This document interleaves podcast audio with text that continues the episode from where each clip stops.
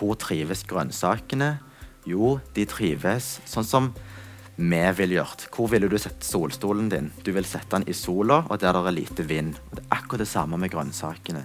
Så skal dere legge ut en pallekarm eller to, finn et solrikt sted. Der trives 95% av alle grønnsaker.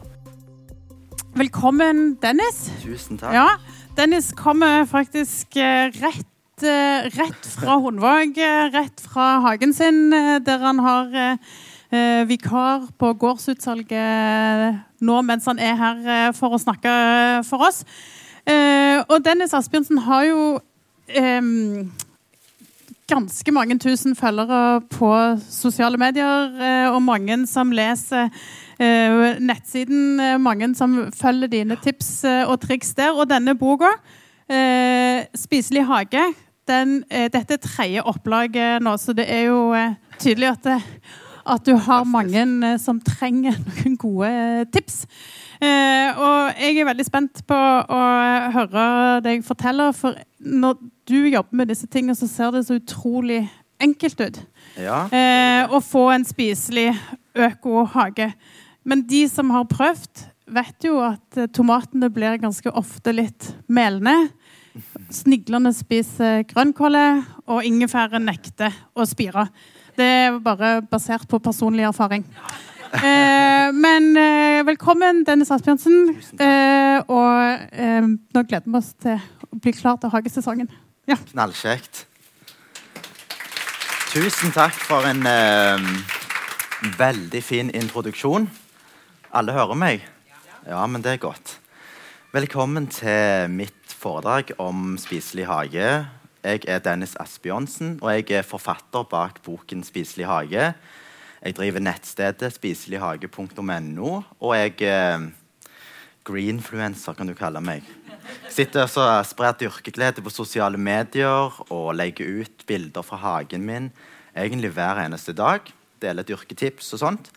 For meg er det veldig veldig viktig å få fram et eh, budskap som er lettvint og forståelig, sånn at alle kan dyrke fram disse tingene her. Så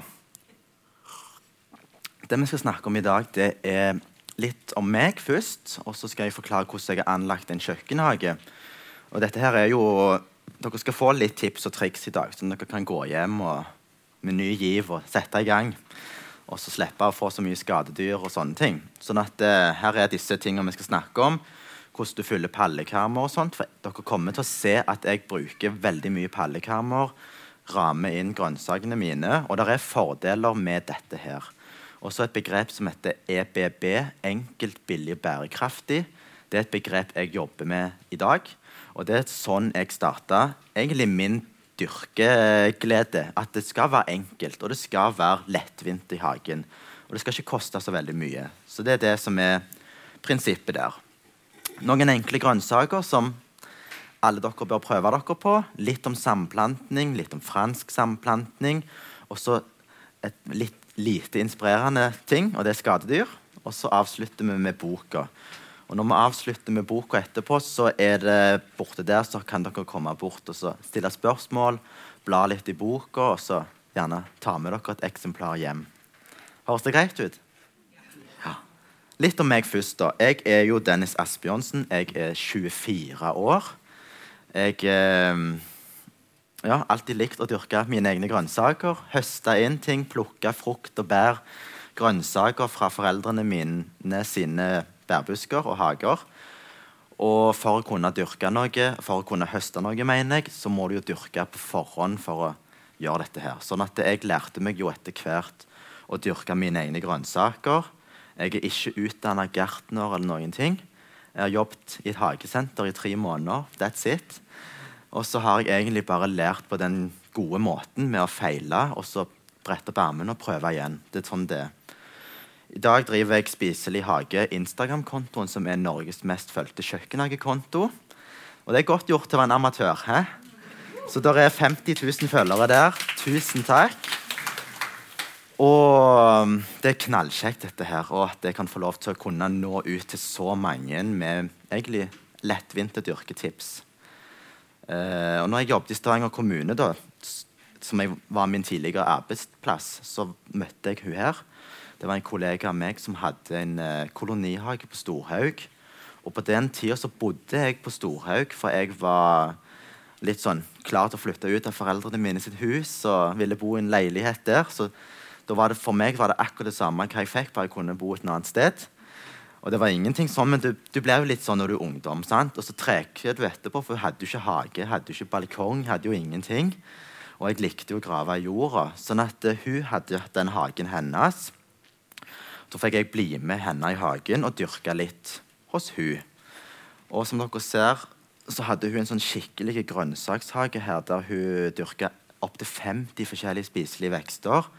Og jeg kunne stille hun hundrevis av dumme spørsmål hver dag og få svar på alt. Sånn at jeg lærte jo veldig veldig mye med å være med henne her i starten. Og dette her var våren 2018, så jeg var vel der i ca. fire-fem måneder og var under egentlig konstant opplæring og lærte så mye kjekt.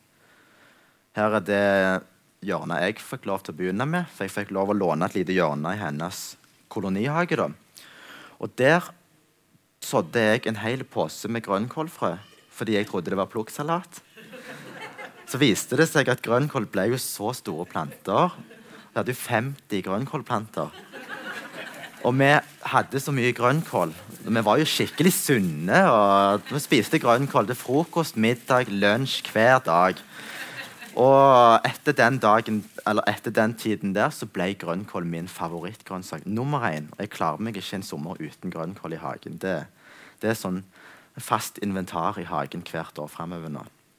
Og før den tid så visste du ikke hva grønnkål var. som sagt. Så, men det er en av de sunneste grønnsakene vi kan ha. Og her var det de to pallekarmene jeg egentlig skulle forholde meg til hennes hage. Jeg skulle være, ha de, og så skulle jo hun få lov å holde på med sitt. Men det endte opp med at jeg som en 19 år gammel gutt da, gikk rundt med hodelykt og tok brunsneglene på lørdagskvelder. Og jeg lukte og klipte hekker og rydda stelte, og jeg dyrka hele hennes hage. Hun lå på hengekøya og hadde det kjempeherlig. Og hun høsta inn og koste seg. Og det var en fantastisk avtale vi hadde, for alle var jo happy. Men jeg forsto jo det at jeg må jo altså, ha min egen hage, og hun må jo få hagen sin i fred etter hvert. Sånn at når vi kom til sommeren 2018, da, etter fire-fem måneder, så kom det et hus på Hundvåg for salg her. Så ser dere eh, det huset i midten der. Det huset der kjøpte jeg august 2018. Og da var det egentlig stor grønn gressplen i den hagen. Det var ingenting i den hagen. Og så var hele gården den var nedlagt. Det var ikke gårdsdrift lenger. Alle jordene rundt er solgt til Stavanger kommune. Så vi hadde den tomta, så bodde jeg mellom de to brødrene som opprinnelig er fra gården. da. Uh, 2019 så flytta han i det røde huset vekk, og så kjøpte pappa det huset. Og låven. Og den låven den var i asbest og var klar til å rives, så vi pusta den opp rett og slett, og malte den. Så jeg har malt den låven der fire strøk. Tenk på det. Og det var det jeg måtte gjøre for at det, pappa skulle si ja til å kjøpe nabohuset. Så det var en god avtale. På baksida av låven går ett bilde tilbake der, så har jeg åpna et gårdsutsalg som heter Heddas gård. Som er åpent hver helg, lørdag-søndag. Så bare sjekk ut Heddas gård på Facebook. Knallkjekt. Og så det siste huset. Jeg må forklare det òg. Det kom til salgs nå i november i fjor. Tror dere ikke jeg flytta inn der 1.12., da? i det huset, for da kjøpte jeg det òg. Så nå har jeg to hus, to hager å holde på med, så jeg har masse å gjøre på. Men da fikk jeg òg øke mengden med høner fra, fra 7 til 24. Sånn at nå har jeg sånn skikkelig sånn lite småbruk der. Koser meg. Sånn ser det ut. Her ser dere hagen som jeg opprinnelig har holdt på med i tre år da, etter jeg flytta inn. Her er det eh, hagestue, drivhus, pallekammer, frukttrær og bærbusker. Dette er en spiselig hage. Og så er det veldig veldig ideelt å dyrke grønnsaker her. Det handler om når du skal anlegge en kjøkkenhage. Hvor trives grønnsakene? Jo, de trives sånn som vi ville gjort. Hvor ville du sette solstolen din? Du vil sette den i sola, og der det er lite vind. Og det er akkurat det samme med grønnsakene. Så skal dere legge ut en pallekam eller to. Finn et solrikt sted. Der trives 95% av alle grønnsaker. Og Her ser dere huset som er bygd på 1800. Det står helt korrekt på tomta. Her er det sol i hagen hele dagen. Så det var en veldig, veldig god hage å starte å dyrke grønnsaker i. Men det var kun en grønn gressplen når jeg kjøpte dette. her. Det var ingenting i hagen der. Så um, har jeg bygd hagestue, og grunnen til jeg bygde hagestue, var for å kunne så ting. Chili, paprika, tomater. Sånne langtidsutviklende grønnsaker. De kunne jeg så inni hagestua tidlig på sesongen. Og så kunne jeg plante de ut i hagen når det var varmt nok i været. Så det var hensikten med å bygge hagestue. Så nå har jeg en liten video. Eh, den varer ca. to minutter, så dere skal få se. Fra hagen i fjor sommer med skikkelige, frodige grønnsaker og dyrkeglede.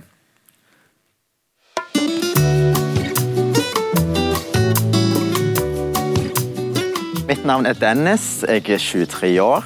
Jeg bor her i Stavanger, og jeg dyrker mat. Dette her er min spiselige hage. Og her er det opptil 50 forskjellige spiselige vekster og høner. Jeg ble interessert i å dyrke selv pga. at eh, jeg liker å høste inn ting. F.eks. brokkoli, blomkål. Og jeg har alltid likt det å plukke ting fra busker og trær og alt dette her. Og da må du jo dyrke på forhånd for å kunne høste. Her i min hage har jeg aktivt bygd opp en kjøkkenhage fra den dagen jeg kjøpte huset og lagt ut pallekammer, bygd drivhus, lagt hagestue, sånn at jeg kan forkultivere ting. Og her kan du finne brokkoli, blomkål, masse bær, epler, plommer, pærer. Masse urter. Sant? Så jeg dyrker veldig mye forskjellig, både i drivhuset og ute. Og så er vi veldig heldige her i Stavanger at vi har et veldig fint klima til det av mat som jeg lager ut av grønnsakene mine, så lager jeg litt forskjellig ut ifra sesongen. Det spørs hva jeg har høsteklart. Sånn at det som er på kjøkkenbenken, er det du har i hagen til den tiden. En typisk dag i hagen min det er å ta med seg kaffekoppen, gå ut, kikke. Så finner du gjerne der det har vokst litt ugras eller skadedyr eller noe som er høsteklart. Og så er dagen ut ifra det du har sett på forhånd. Og Da kan jeg gå rundt her og så egentlig bare nyte det og plukke litt, stelle litt. Og så må vi alltid inn til hønsa og rense der. Det er daglig rengjøring. For meg så betyr det å ha en kjøkkenhage alt. Det å kunne gå ut og høste egen mat og forsyne seg nesten daglig store deler av året, det er en luksus som jeg virkelig kjenner på sjøl, og jeg unner alle gå og plukke noe i hagen og spise det, det er helt enestående. Så ikke det koselig ut? Det er jo en sann drøm for meg å kunne ha en spiselig hage. Det var alltid det jeg hadde drømt om, og nå hadde jeg det. Her har jo jeg eh, ferske egg hver dag. Jeg har grønnsaker nesten store deler av året. Jeg eh, har frukt og bær tilgjengelig i hagen. sånn at eh, det å ha en spiselig hage det er virkelig noe jeg som jeg sa i videoen, unner alle at de skal få. Og bare det å kunne dyrke fram en brokkoli eller en blomkål det gir en fantastisk mestringsfølelse og en glede. Og har du med barn og barnebarn på dette her, så er terskelen nok for å spise dette her mye mye lavere. Sånn at det å dyrke sin egen mat det er bare fordeler med det. rett og slett. Her ser dere huset når jeg flytta inn i 2018. Det var en stor grønn gressplen. Og that's it. Det var et sånn klesstativ som sto der. Det gravde jeg vekk. Og så la jeg ut pallekammer. Egentlig Med en gang jeg fikk nøkkelen i hånda, så var det rett ut i hagen med 30 pallekammer. Og legge ut. Gå målretta inn for å bygge en spiselig hage, en kjøkkenhage. Og det var alt jeg gjorde når jeg bygde denne hagen, var basert på den erfaringen jeg hadde fra når jeg fikk bli med min kollega og dyrke i hennes hage. Så her ser dere ti måneder seinere hvordan det så ut. Masse grønnsaker. Drivhuset sto oppe. Sånn drivhus i plastikk, sånn tunnel. Og hagestua sto klar. Og så hadde vi jo Jeg har jo en litt annerledes hage enn det min kollega hadde. At hun, Hun hadde gjerne litt mer sånn um, høyt gress og litt mer vill hage, for å si det sånn. Litt mer løvetann og litt sånne ting i hagen. Og det er viktig det å ha løvetann for å tiltrekke pollinerende insekter og sånne ting. Men jeg har mye blomster, f.eks. under frukttrærne og stauder. Og litt på baksida av hagestua Jeg et svært staudebed.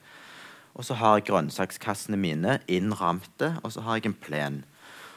Jeg tenkte først at jeg skulle ha vekk alt gress og heller bare dyrke over hele hagen. Men så tenkte jeg etterpå at jeg bruker jo veldig mye gressklipp i grønnsakskassene. Og det kommer jeg inn på etterpå, men gressklipp er veldig veldig godt å ha i en grønnsakskasse og generelt i en grønnsakshage. Derfor måtte jeg ha litt plen. Så da ble det sånn som det ble her. Og så det tunneldrivhuset i plast. Det blåste jo vekk, dessverre. Sånn at eh, jeg måtte bygge et nytt drivhus her i fjor sommer. Og det var jo ganske greit, det òg, for da har du et drivhus i treverk som kan stå i mange, mange, mange år. Og her bygde jeg gamle skyvedører når vi pustet opp nabohuset. Og så er det en vegg uten vinduer, ser dere. Og det handler rett og slett om at da kunne jeg få litt mer stabile temperaturer i drivhuset. Så si når sola står på om morgenen, så istedenfor at du må springe ut og åpne dører og vinduer, for det blir så fort varmt, så fikk du en veldig stabil temperatur. Og det liker plantene, å ha det litt jevnt. Derfor en vegg uten vinduer. Men for å utnytte den veggen veldig effektivt, så dyrker jeg jordbær i takrenner der. på utsida. Og jordbær i takrenner det er helt fantastisk, for da kommer ikke kråkene opp. Det er en ting. Og nummer to er at eh, jordbær de vil ha det litt næringsfattig i jorda. Fordi at det, Er det veldig næringsrike jord, så blir det mye bladverk og lite bær. Så jordbær kan godt ha det litt tøft som det her, at de står i en takrenne. Det blir masse gode bær der. Og På innsida har jeg lagt huller på veggen som jeg har små runde, flotte chili- og paprikaplanter oppover hele veggen.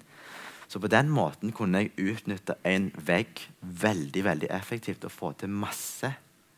Hva retning er den veggen? Den veggen er til sør. Så har du det hjørnet der med vindu bort mot de pallekamene og terrassen der. Det er nord. Altså nord, da. Så, og så har jeg gjennomsiktig tak på drivhuset. Og da får du på en måte det du trenger av lys inn og rundt alle de andre vinduene. Så her får jeg til kjempemye. Og hvis dere sitter med tankene og vurderer å bygge et drivhus, vurderer gjerne å bygge etter gjenbruksvinduer og materialer, for det er fantastisk. Og så er det så greit at det, sånn som Jeg har jo bare lagt grus på gulvet inne, så når jeg vanner, sånn, så bare drenerer det vekk. Og jeg trenger ikke holde det så veldig rent. og sånt. Og hvis du skal ha noen spader på veggen, så bare skru opp skruer rett i veggen, så henger du spadene der. Så det er veldig praktisk med sånt drivhus, fant jeg ut av. Så ser dere pallekarmene. Det er Grunnen til at jeg bruker pallekammer, det er at pallekammer er veldig veldig effektive med tanke på drenering. Og det skulle vi gjerne ikke trodd når det er kun 20 cm opp. Men faktisk talt så drenerer dette her kjempe, kjempegodt. Her så dere ser helt nede i høyre hjørne. Hadde jeg dyrka rett i bakken der, så kan jeg forklare dere at da ville det ved dager det regner mye, så ville grønnsakene stått i så mye vann. For det er et lite nedsukk der i hagen. Så ved å bygge opp med pallekammer så fikk jeg til veldig god drenering. Og da kan jeg dyrke på steder som jeg gjerne egentlig ikke kunne dyrke på hvis jeg hadde dyrka rett i bakken. Pluss at ved å bruke pallekammer eller bygge kasser, så vil jorda i disse pallekarmene varmes opp mye mye tidligere på året. Så si Når det er en kald vinter og sola står på, så er det jord som er litt opp forbi bakkenivå, så vil den jorda tine raskere. Du vil kunne dyrke raskere. Sår du frø rett ut på vinteren i februar, og du vintersår ting, så spirer også disse frøene mye mye tidligere enn om de skulle stått rett i bakken der det er litt kaldere i jorda.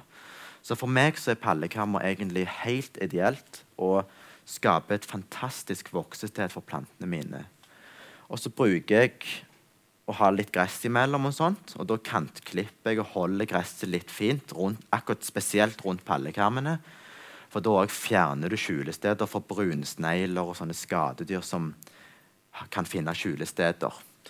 Og Så ser dere gjerne disse sprikkene mellom pallekarmene òg her. De også, om forsøker jeg òg å søle jord med vilje nede i sprikkene, sånn at det ikke legger seg snegler og skadedyr inni disse sprikkene. Så da får du på en måte fjerna disse skjulestedene òg. Ellers så ser dere kålplanter. Alt det står åp under åpen himmel, uten nettinger, uten duk, uten noen ting over.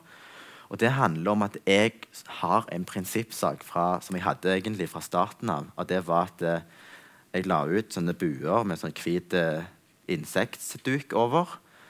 Og så blåste det, og så blåste det vekk, og så måtte jeg legge steiner på, og så ble det hull i duken, og så hadde jeg mange søvnløse netter, og så tenkte jeg dette her, det gidder jeg ikke, for dette blir for komplisert. Og det å dyrke grønnsaker skulle være enkelt for meg, så valgte jeg å droppe disse her. Og så leste jeg en kjøkkenhagebok som var skrevet av eh, Margunn Ueland, som også bor i Stavanger her, at hun dekka ikke grønnsakene til fordi hun syntes de var så fine. En blomkålplante, en brokkoliplante, de er jo et kunstverk uten grenser. De er så fine at det, det går ikke an å dekke de til. Så da tenkte jeg da gjør jeg det samme. Jeg dropper alt av duk og nettinger, og så har jeg det helt åpent. Sparer jeg masse penger på å ikke kjøpe dette utstyret, pluss at jeg kan se på disse plantene her. Det er jo et syn. Så her ser dere jo òg helt åpent. Alt står under åpen himmel her. Så har jeg én pallekam i høyden på alt, og det òg er en ting jeg holder på med. At eh, jeg kan godt bygge opp og ha flere i høyden for å slippe å bøye meg og sånne ting. Men jeg har én i høyden fordi jeg fant ut av at det var mer enn nok. Her ser dere jo, der er jo jordskokk, der er gulrøtter, løk, rødbeter, der er alt. Og det står i én pallekams høyde. Mer enn nok. Det fant jeg ut av. Det her blir kjempeflotte gulrøtter, kjempeflotte ting. Så istedenfor å ha Si hvis jeg hadde ti pallekammer til rådighet, setter jeg de to og to, så har du jo fem dyrkekasser da. Men istedenfor kunne jeg legge ti dyrkekasser for enda større dyrkeareal. Og det var jeg veldig opptatt av når jeg begynte med å anlegge kjøkkenhagen min her. Så, men dere ser Det er ikke et forferdelig stort areal, men her er jeg selvforsynt med grønnsaker nesten hele året. Her og så litt rundt hjørnet på huset. Og her er det et lite felt med rødbeter. Og det er ikke mer enn eh, en kvadratmeter og litt, litt til. Men her hadde jeg 50 glass med sulta rødbeter. Tenk på det. Altså, du får ganske mye mat på et veldig lite areal.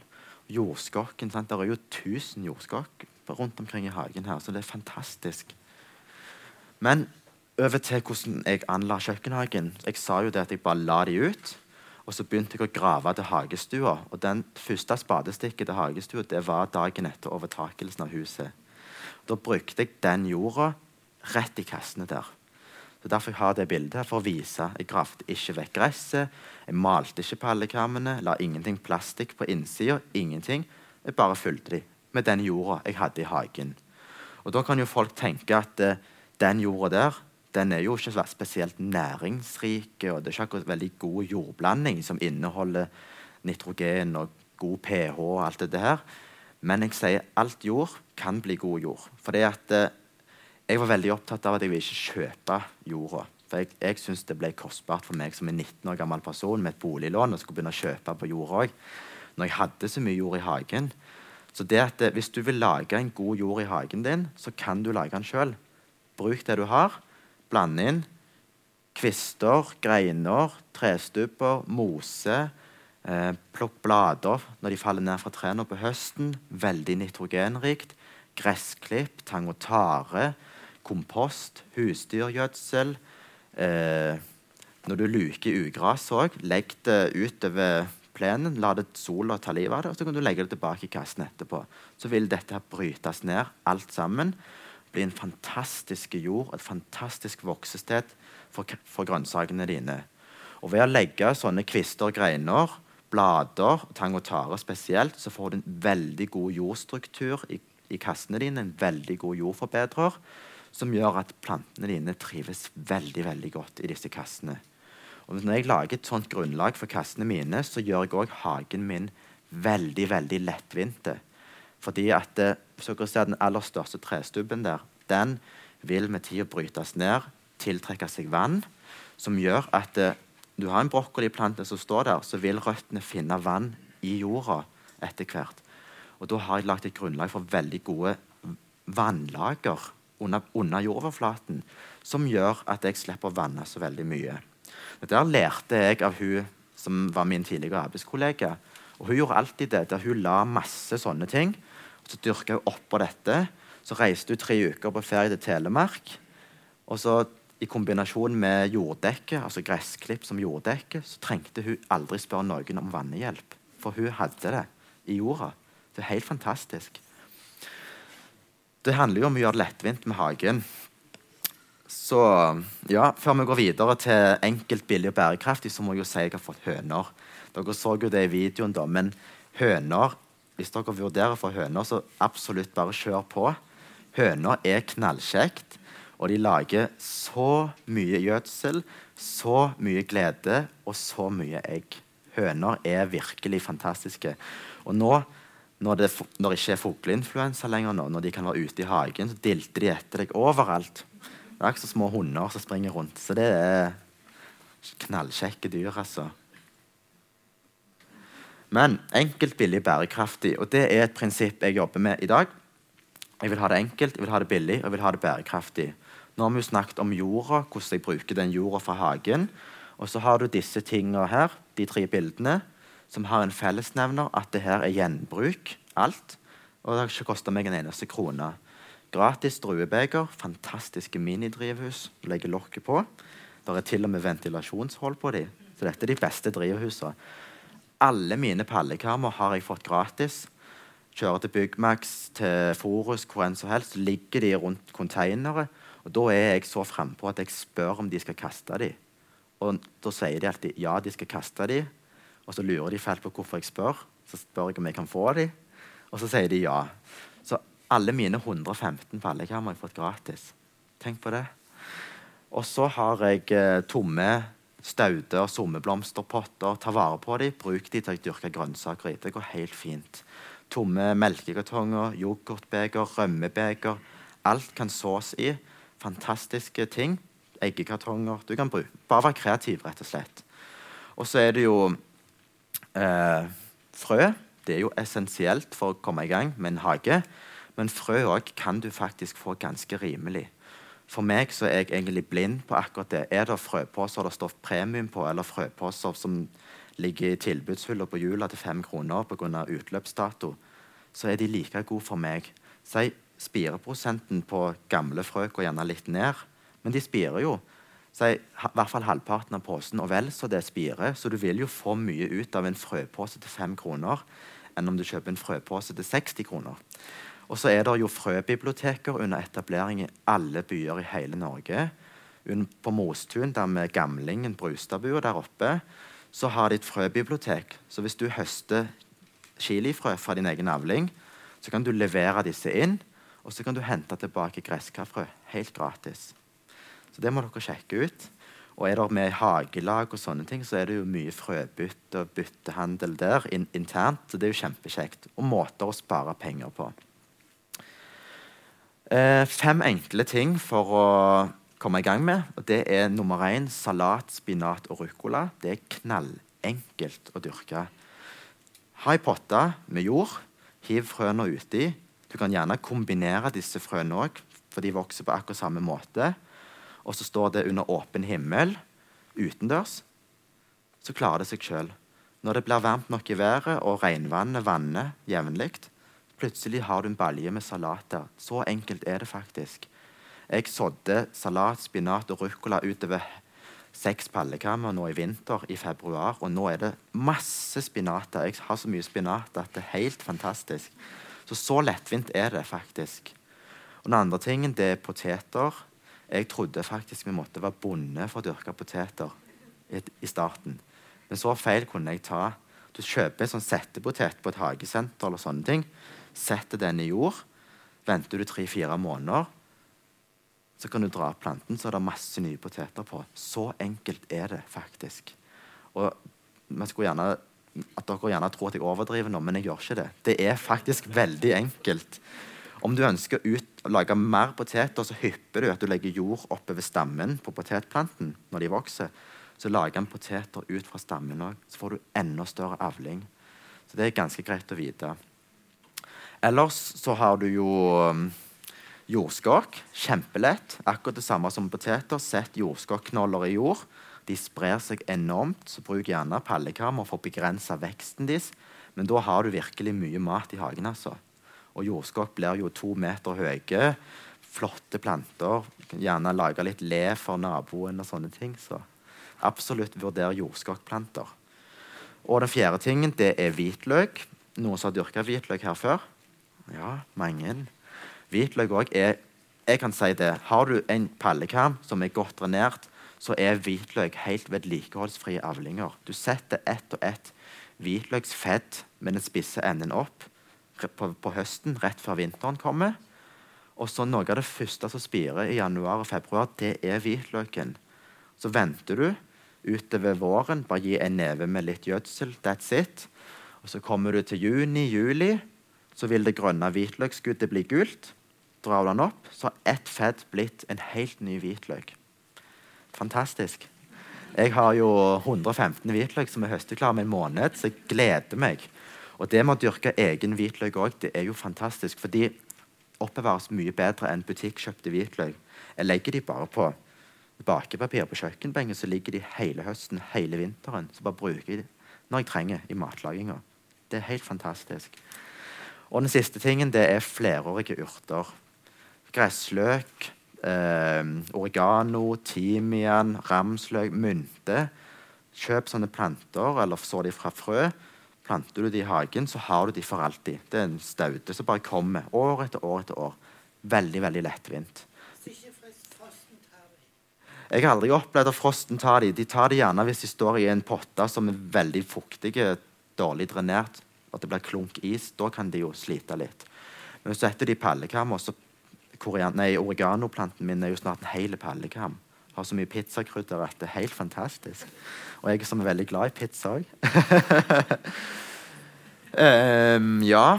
Og så når vi snakker om forkultivering det er jo litt seint nå, da, for nå er vi jo i mai. Men skal dere forkultivere, bruk gjerne en bokhylle som jeg gjør. Kjøp sånn billig ledd benkbelysning på hjul eller biltema. Fest de med tosidig teip. Og da får du flotte, solide, kraftige robuste planter. For da har du lyset rett over. Og kunsten med å så ting inne tidlig på året er å ha lys rett over plantene dine. Og det er ikke behov for sånn profesjonelt vekstlys. LED benkbelysning er mer enn godt nok. Og så riktig temperatur. Og da sier jeg de vil ha, de vil ha det litt varmt når de spirer. Det er et utdrag fra boka mi 'Spiselig hage'. Og med en gang bladet titter opp fra jorda, så må de kjøligere. Rundt 16 grader. Da vokser de saktere og blir mye kraftigere. Så normal stuetemperatur det blir litt for varmt. Hvis dere har så ting inne på, på våren, så vet dere at det gjerne at det, de vokser fort. Lange, tynne stilker. Sikkert noen som har erfart det.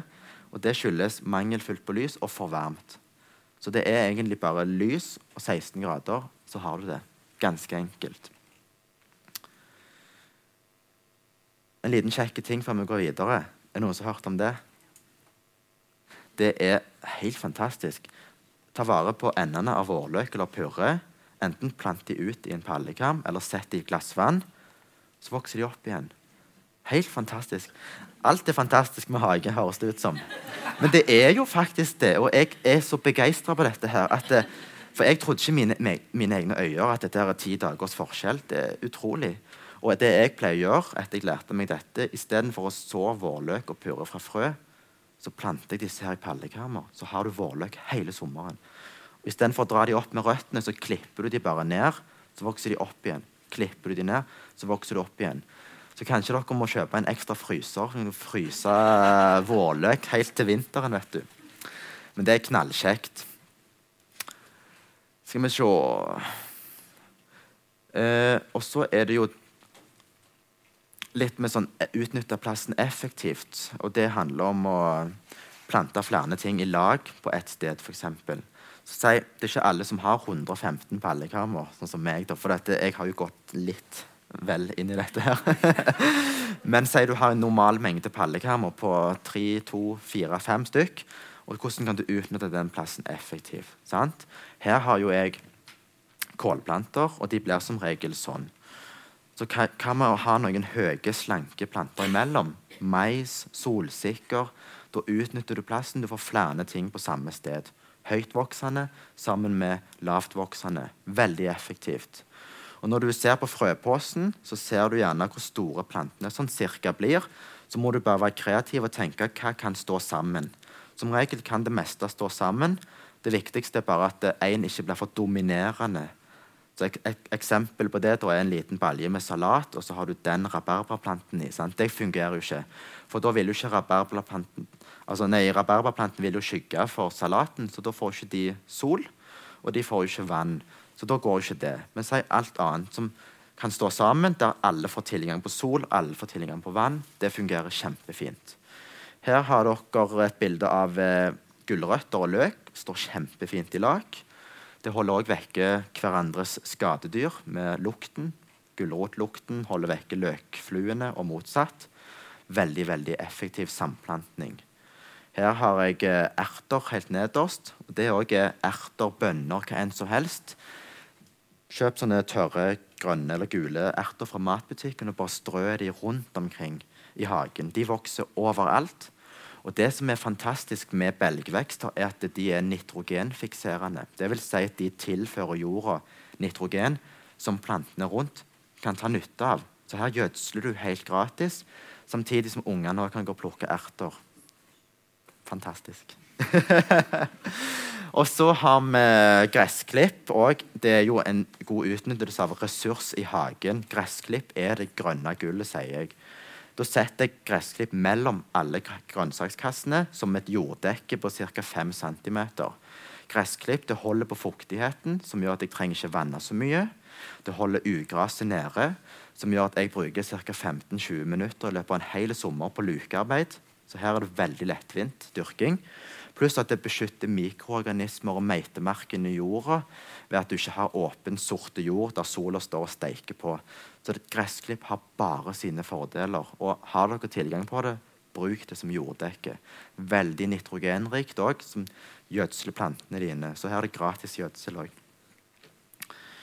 Uh, eh, nå renner tida fra oss her, men uh, litt om fransk samplantning. Det er jo, Nå har vi snakket om vanlig, vanlig samplantning. Og her er det fransk samplantning. Og Det er jeg veldig opptatt av. Med å plante blomster i eller i nærheten av kjøkkenhagen. Jeg har veldig mye stauder under frukttrærne og sånne ting. Da tiltrekker du humler, bier, vepsen, og de trenger vi i hagen. De pollinerende insekter som vi må ta vare på og vi må beskytte.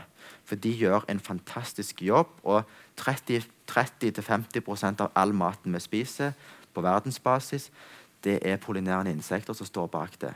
Sånn at disse må vi ta vare på. Og vepsen f.eks. òg. Fantastisk rovdyr mot eh, skadedyr som vi ikke vil ha i hagen. Tar kållarvene, f.eks. Sånn at ved å invitere naturen inn, så ordner den òg veldig godt opp for oss og er med og hjelper. Og da er vi over på det minst inspirerende for dagen. Skadedyrhåndtering. Det er jo årsaken til at veldig mange ikke har lyst til å holde på med grønnsaker. Og det sier jeg at Skadedyrhåndtering er ikke så komplisert. Jeg bruker hendene mine, så bruker jeg saks og vannslange med kaldt, rent vann. Og det kan jeg si vanlig, rent, kaldt vann er det beste sprøytemiddelet som fins. Faktisk. Så slipper du sånn giftmidler og sånne ting i hagen din. Vi kan starte øverst. da. Kål, brokkoli, blomkål, sommerkål, alle disse her er veldig mottakelige for spesielt kålflua, kålmøl og kålsommerfugl. Veldig kjedelige ting. De legger egg, så kommer det sånne larver som gnager på bladene. Så det jeg gjør da, er at jeg, Siden jeg ikke bruker duk over, så må jeg snu og vende litt på bladene med jevne mellomrom. Og så ser jeg disse larvene, så er det manuell håndplukking. Det er det mest effektive, for da fysisk fjerner du problemet umiddelbart. Er det egg på, så vil de ligge tett i tett i klynger. Kniper du eggene med fingertuppene på bladet, da klekker de aldri. Og så er det jo sånn at eh, det er jo en tilvenning, dette her. Men det er veldig effektivt å gjøre det sånt. Og har du kålfluer, de legger jo egg ned i røttene på planten, der larvene gnager på kålplantene sine røtter. Da gressklipp igjen. Dekk rundt kålplanten, så vil ikke flua finne veien ned. Da forhindrer du det problemet. Og Når det gjelder kålmøl og kålsommerfugl Dere trenger ikke tenke på de helt ennå. Si slutten av juni nå. Da kommer de med vinder fra Øst-Europa. Så med en gang du ser hvite sommerfugler i hagen, da må du gå og sjekke kålplanten din. Og da er det jo dette her jeg gjør. Fjerner de. Og det er ikke mye tid jeg bruker på det. Bare ti minutter av og til. Og da er problemet egentlig løst på den måten. Men de klarer jo alltid å lage litt huller. Sånn er det. Så har du sneglene. Hodelykt når det er mørkt eller når det regner. Klipp de i to. Rask, human avlivning. La de ligge. Så går du inn og så ser du på Norske Talenter i en time. eller et eller annet. Så går du ut etter en time igjen. Da vil den døde sneglen tiltrekke seg nye, for de er kannibaler. Tar du de òg? Veldig effektivt. Når jeg flytta inn i min hage, så, når jeg gikk ut på kveldene, så kunne du se sneglene i plenen. Så mye var der. Nå i år er det første året jeg har bare planta ut kålplanter, salat, alt, uten å bekymre meg for sneglene i hele tatt. Fordi jeg har gått og klippet dem med jevne mellomrom nå i tre år. Og på den måten så har du redusert bestanden så mye at jeg kan bare si sjakkmatt til dem. Blir aldri kvitt dem, men du klarer å sette dem sjakkmatt, for de blir så reduserte at det, det er ikke et problem lenger. Og Da bruker jeg gjerne litt aktivt nå på våren en uke, litt aktivt midt på sommeren en uke og litt på høsten. Så gjør du det i to-tre år, så er snegler ikke et problem lenger. Lus tar du vannslangen med sprøytemiddel, kaldt vann ser om det kommer. Så spyler du de bare av. 90% av lusen omkommer umiddelbart. 10% kryper opp igjen. Igjen tar du spylinga etterpå. Så enkelt er det. Jeg spyler av alt lusen. Jeg går inn i drivhuset og sier det er lus, bare spyler jeg de av. De faller ned, og så drukner de. Det er jo sånn det er. Men det, det, er veldig effektivt, og det er mye bedre enn å drive med sånn saktepinende død og sprøyting og permetrin og alt dette her. Og så har du sånne hermygg. Det er jo typisk når du sår ting inn i vinduskarmen, så kommer det masse små fluer. Gule limfeller. God gammeldags flågepapir. De trilltrekkes av den gule fargen, setter seg på. Så er det en helt miljøvennlig bekjempelse av disse dyrene. Og hermygg de liker å ha våt jord. Så da er det jo la jorda tørke opp litt ekstra akkurat rundt de plantene du vet disse her har larver i jorda. Da vil larvene dø hvis jorda tørker opp. Så på den måten slipper du de små, irriterende fluene inne. Så det er liksom bare vann, hender og saks. og så Det er ganske enkelt, egentlig. Men jeg har jo skrevet en bok. Nå er det to minutter igjen. Og jeg vil bare fortelle litt om den boka før vi avslutter. Dette her er tredje opplag som jeg har her i dag. Eh, de trykte andre opplag før den offisielle utgivelsesdatoen. Tenk på det. Og jeg har holdt på med denne boka her i ett år med forlaget Aschehoug. Og vi har eh, kost oss kjempemye. Vært på bestselgerlista, nummer én. Alle bøker i hele Norge. Den har ligget på bestselgerlista nå, litt rundt topp ti, helt siden utgivelsen. Og det er jo fantastisk at det er en kjøkkenhagebok ligger blant alle andre bøker. Det er jo ganske kult. Og så er det jo at eh, Vi hadde den på TV her. Meg og Finn sjøl. Han likte boka òg veldig godt, bare så det er sagt. og så er det jo det at boka er generelt sett veldig lettlest, lys, fargerik. Der er såkalender, der er ramsa opp masse grønnsaker, hvordan du sår de, steller de, hva skadedyr som kommer på eksempler på samplantning, skadedyrhåndtering, ugresshåndtering, alt det jeg har snakket om i dag, pluss, pluss, pluss. Og så er det jo at den er veldig konkret. Så er nybegynner de, de skal forstå hva jeg vil oppnå med hvert kapittel. Da, uten at det drar han så veldig ut. Sånn at denne boka her har jeg fått akkurat som jeg vil. Og jeg har med meg noen eksemplarer her i dag hvis dere har lyst på den. Hvis ikke, så kan han jo bestilles på nettsida mi Spiselig hage rett hjem hvis dere har dårlig tid og må fòre av gårde. Så sier jeg tusen takk for meg. Det var veldig kjekt å være her i dag. Tusen takk.